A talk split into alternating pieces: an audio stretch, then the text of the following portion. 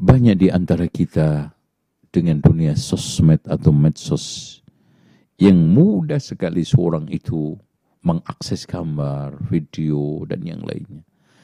Bahkan kita tidak ingin pun dijajakan. Maka hendaknya di sini bertakwa kepada Allah. Ya.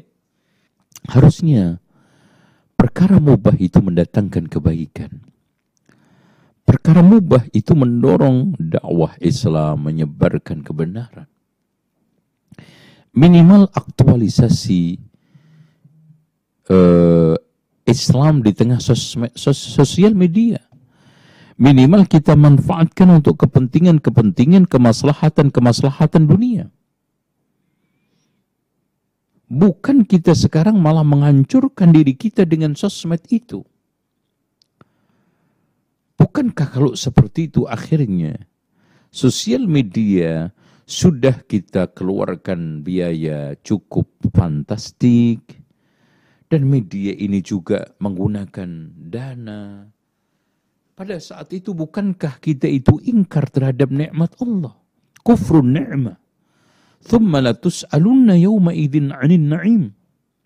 Nikmat waktu kita yang kita gunakan untuk nge-share akan ditanya oleh Allah. HP yang kita gunakan untuk nge-share akan ditanya oleh Allah. Dan juga mata kita yang menikmati dunia sosmed tersebut juga akan ditanya oleh Allah Subhanahu wa taala.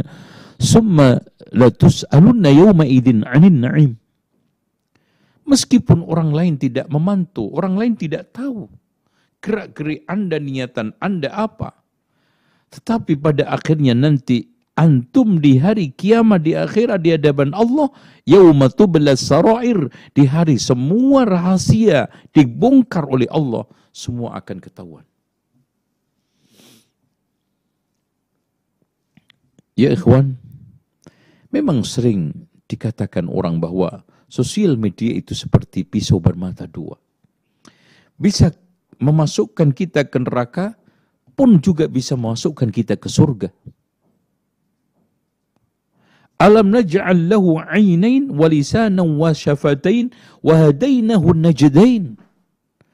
Bukankah telah aku ciptakan untukmu dua mata, ada dua telinga dan mulut supaya kalian memilih ada dua jalan, kebaikan dan keburukan.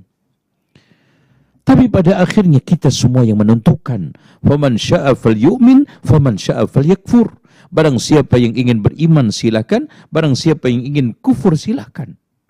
Tetapi pilihan itu semuanya mengandung resiko. Nggak mungkin tidak. Pilihan apa pun.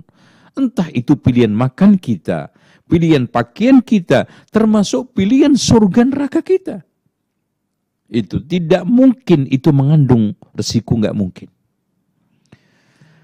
Maka pada saat itulah seorang berakal itu bukan sekedar pandai menyesali segala sesuatu setelah terjadi. Itu orang awam bisa, tukang sambit rumput bisa.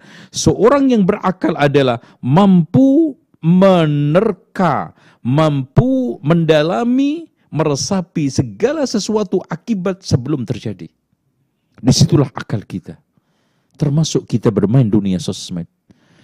Dan menyebarkan wanita yang membuka aurat, menyebarkan uh, apa namanya pemain-pemain uh, atlet dan yang lainnya itu merupakan suatu bagian daripada kita itu menyebarkan keburukan ta'awun Sementara kita itu dianjurkan apa?